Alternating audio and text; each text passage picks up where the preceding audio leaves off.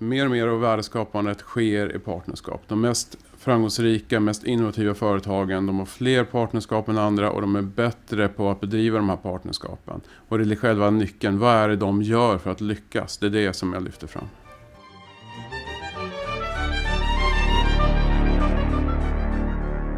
Hej och välkommen till denna podcast om innovation. Idag har vi Mattias Axelsson med oss. Välkommen. Tack. Du har ju skrivit en bok här som heter Växla upp innovationskraften. Vad handlar den om? Det är en bok baserad på forskning för praktiker om hur man kan organisera sig, hur man kan göra för att eh, skapa nya produkter och tjänster i dagens innovationslandskap. Och innehåller många exempel då på hur man gör? Eller? Det innehåller många exempel från olika branscher. Det är företag som Spotify, det Volvo, Scania, Saab, eh, Billerud, Korsnäs för att nämna några. Eh, som, som är med som exempel eh, på hur man kan göra för att lyckas ta fram nya produkter och tjänster idag. Har det varit tufft att skriva boken? Ja, det har varit kul. Det har varit kul? Ja, det har varit väldigt kul. Vad är det som var, vad tyckte du var roligast? Det har nog varit eh, kontakten med olika personer. För jag har inte kunnat göra den här resan själv. Eh, jag hade ju forskat om de här frågorna under ganska många år. Och länge tänkt att jag skulle göra något populärvetenskapligt av det. Och eh, för att komma igång då så tänkte jag att jag lite input. Och då började jag resa med kontakt med lite olika personer som är bra på att paketera eh, komplexa frågor. Eh, så jag har fått liksom bygga upp ett nätverk av olika människor för att, för att ta, ta den här processen framåt. Det har varit väldigt skoj. Och sen även skrivprocessen förstås. Men du har, du har hållit på med de här frågorna under lång period? Jag har nog forskat om det här i ungefär tio år nu. I tio år? Och just partnerskap var det du fastnade för då som det avgörande efter tio års studier, i, tio års forskning? Ja, jag började fasciner vara fascinerad över vad, vad innebär globaliseringen och digitaliseringen för hur innovation bedrivs. För det är ju någonstans vår tids stora megatrender som förändrar samhället i grunden och inte minst då näringslivet. Kan du bara säga kort hur du tror att globalisering förändrar? Ja, vad, vad globaliseringen den innebär ju att eh, verksamheter sprids ut och bedrivs parallellt eller hopkopplat mellan olika organisationer på ett annat sätt än tidigare. Och ofta över stora geografiska avstånd. Och eh, det här skapar helt nya strukturer för, för, för värdeskapande.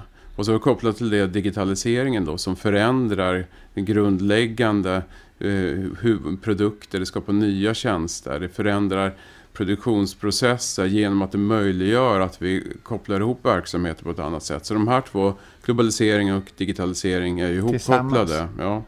Och, och tillsammans så skapar de en helt nytt innovationslandskap.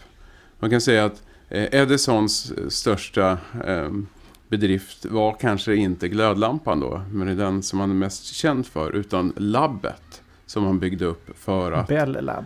Ja, för att ta fram eh, eh, glödlampan. Och det labbet blev en förebild för hur man ska bedriva innovation i, under 1900-talet. Men vad som händer nu, visserligen finns ju labb kvar, men det har blivit mer utav virtuella labb. Alltså värdeskapandet sker mer och mer i partnerskap mellan organisationer. Så att på sätt och vis så kan vi behöva ersätta den gamla bilden av labbet med partnerskap som den centrala mekanismen för innovation. Så för att dra den här parallellen då så är det inte produkten i sig då, det som man ser slutresultatet som är innovationen utan det är ju sättet vi organiserar oss innan då. Och hur mm. organiserar sig Bell då? Hur, vad var det som var så unikt med det?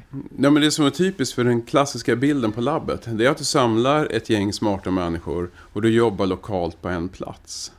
Vad, vad som händer nu är ju att eh, du har eh, ett värdeskapande som sker mellan flera olika organisationer som inte är på en plats utan utspritt över flera, kanske ibland stora geografiska avstånd och mellan olika typer av organisationer.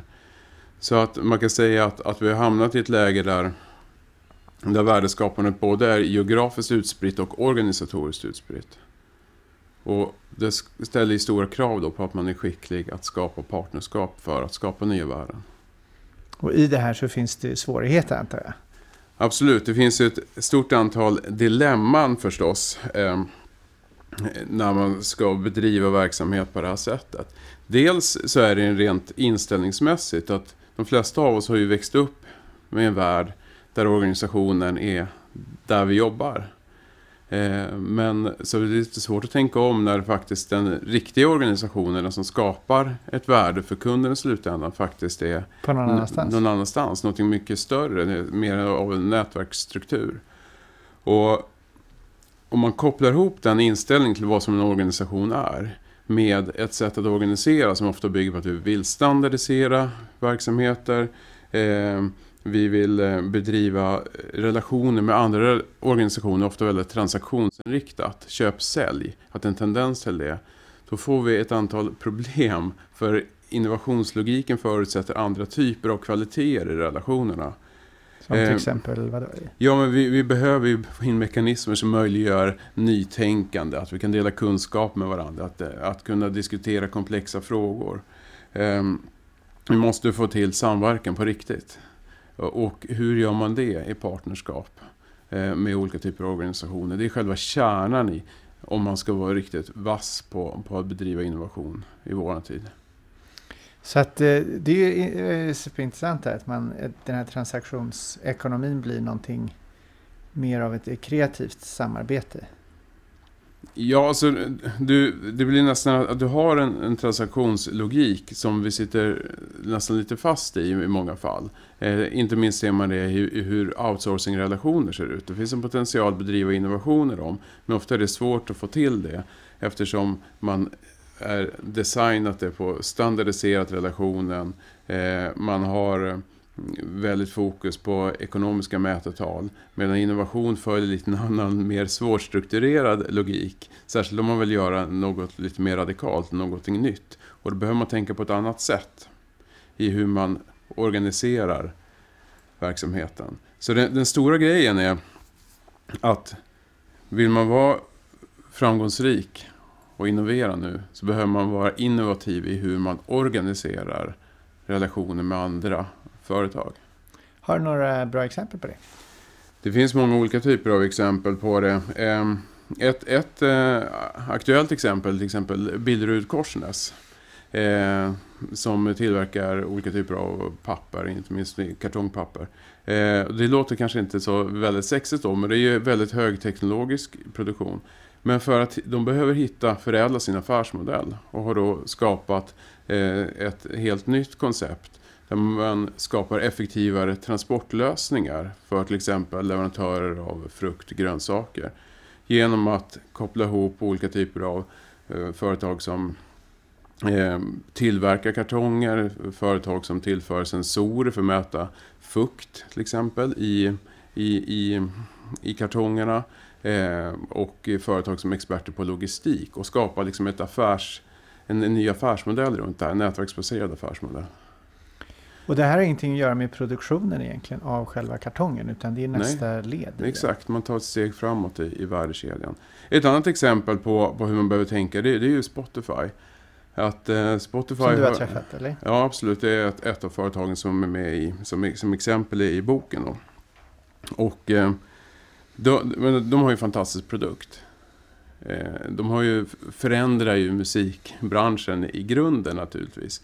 Men för att verkligen lyckas kommersiellt så måste de ju nå ut till oss konsumenter. Det räcker ju inte att ha skapat algoritmer för, för distribution av, av musik eller själva tjänsten. Man måste innovera också i marknadsdimensionen. Och då är ett sätt det är ju att de har skapat samarbete med, med en mobiloperatör som, som Telia.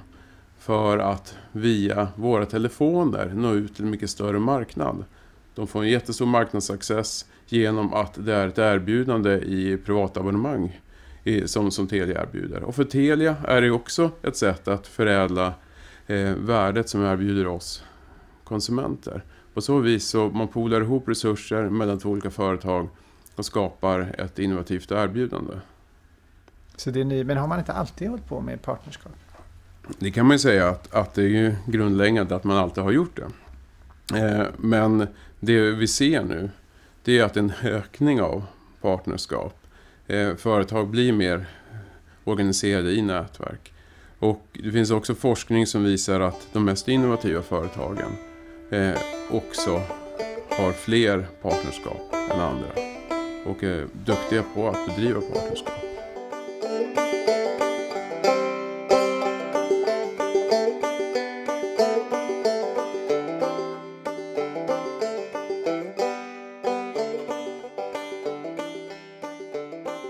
Man börja samarbeta då med konkurrenter? Absolut. Det finns eh, många exempel på det. Som jag har med i min bok det är Saab, flyg Saab då, som samarbetar med exempelvis ett franskt företag som heter Dassault. De konkurrerar ju i försäljningen av stridsflygplan idag på världsmarknaden. Samtidigt samarbetar man sedan tio år tillbaka väldigt, väldigt nära i utvecklingen av ny teknologi för framtidens flygplan.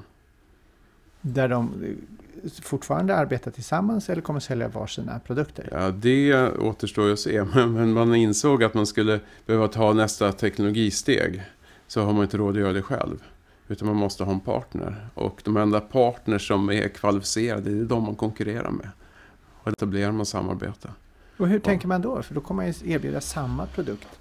Ja, alltså i det här fallet så utvecklar man ju ny teknologi då för obemannade flygplan. Och, och den teknologin har man ju, delar man ju på. Sen hur den i slutändan paketeras in och används i, i nya flygplan, det, det är ju en annan fråga. Men det är ganska komplex juridik bakom det förstås. Men, men det är nödvändigt att man, att man går ihop med, med, med sina konkurrenter, sina konkurrenter. Ja, för att komma framåt.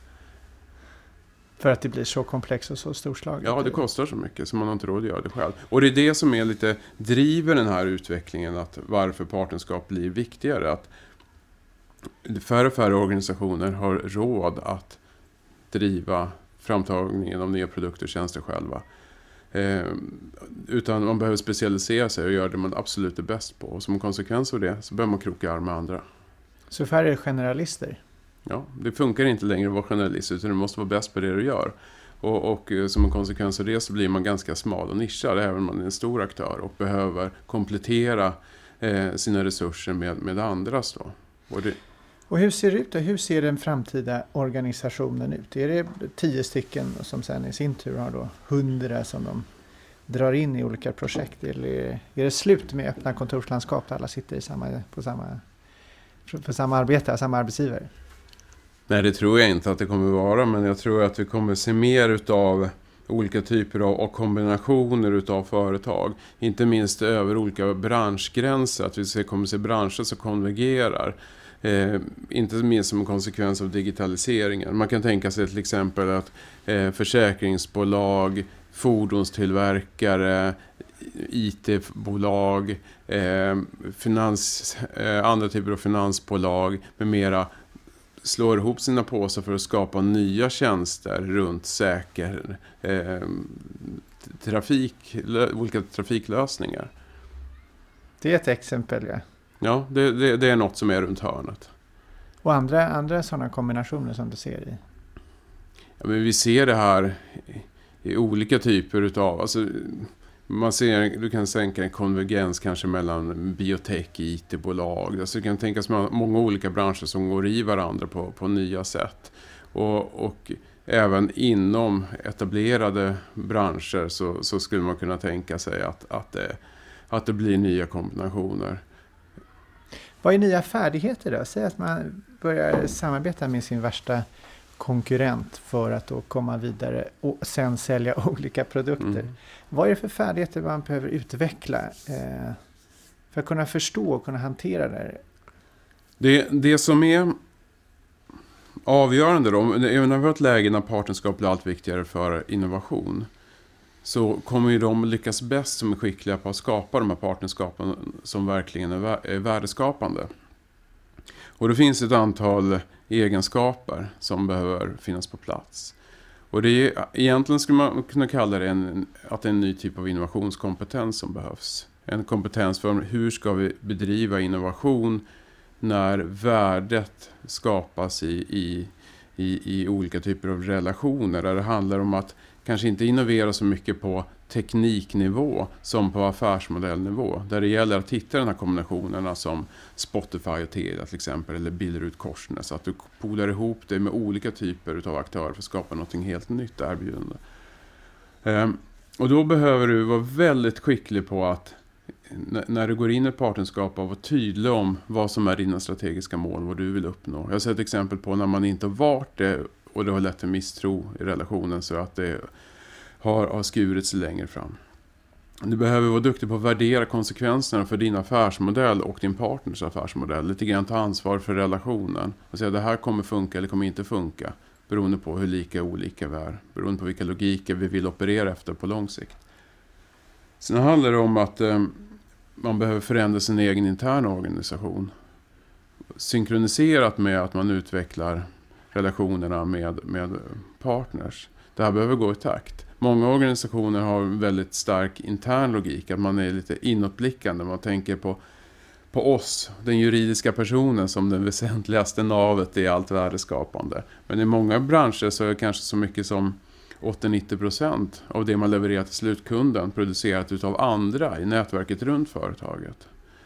Eh, och därför så behöver vi tänka annorlunda, ha en annan inställning till det vi levererar. Att se att det är en konsekvens av den ekologi som vi har byggt upp runt omkring oss och, och hur vi navigerar och, och, agerar i den ekologin. Och då kokar det här ner till i slutändan. Hur får man eh, relationer att fungera, att vara värdeskapande? Och då blir det väldigt mycket managementfärdigheter att, att, att skapa de operativa förutsättningarna. Och det är ofta någonting som man underskattar, man underfinansierar det och man har inte redskapen att hantera detta upp det när, när, när, det, när man kör i diket. Och vad tänker du på den operativa färdigheten? Vad är det? Och det handlar om att, att kunna zooma ut, att, att verkligen förstå den här typen av innovation vi vill bedriva med vår relation, med, med vår partner.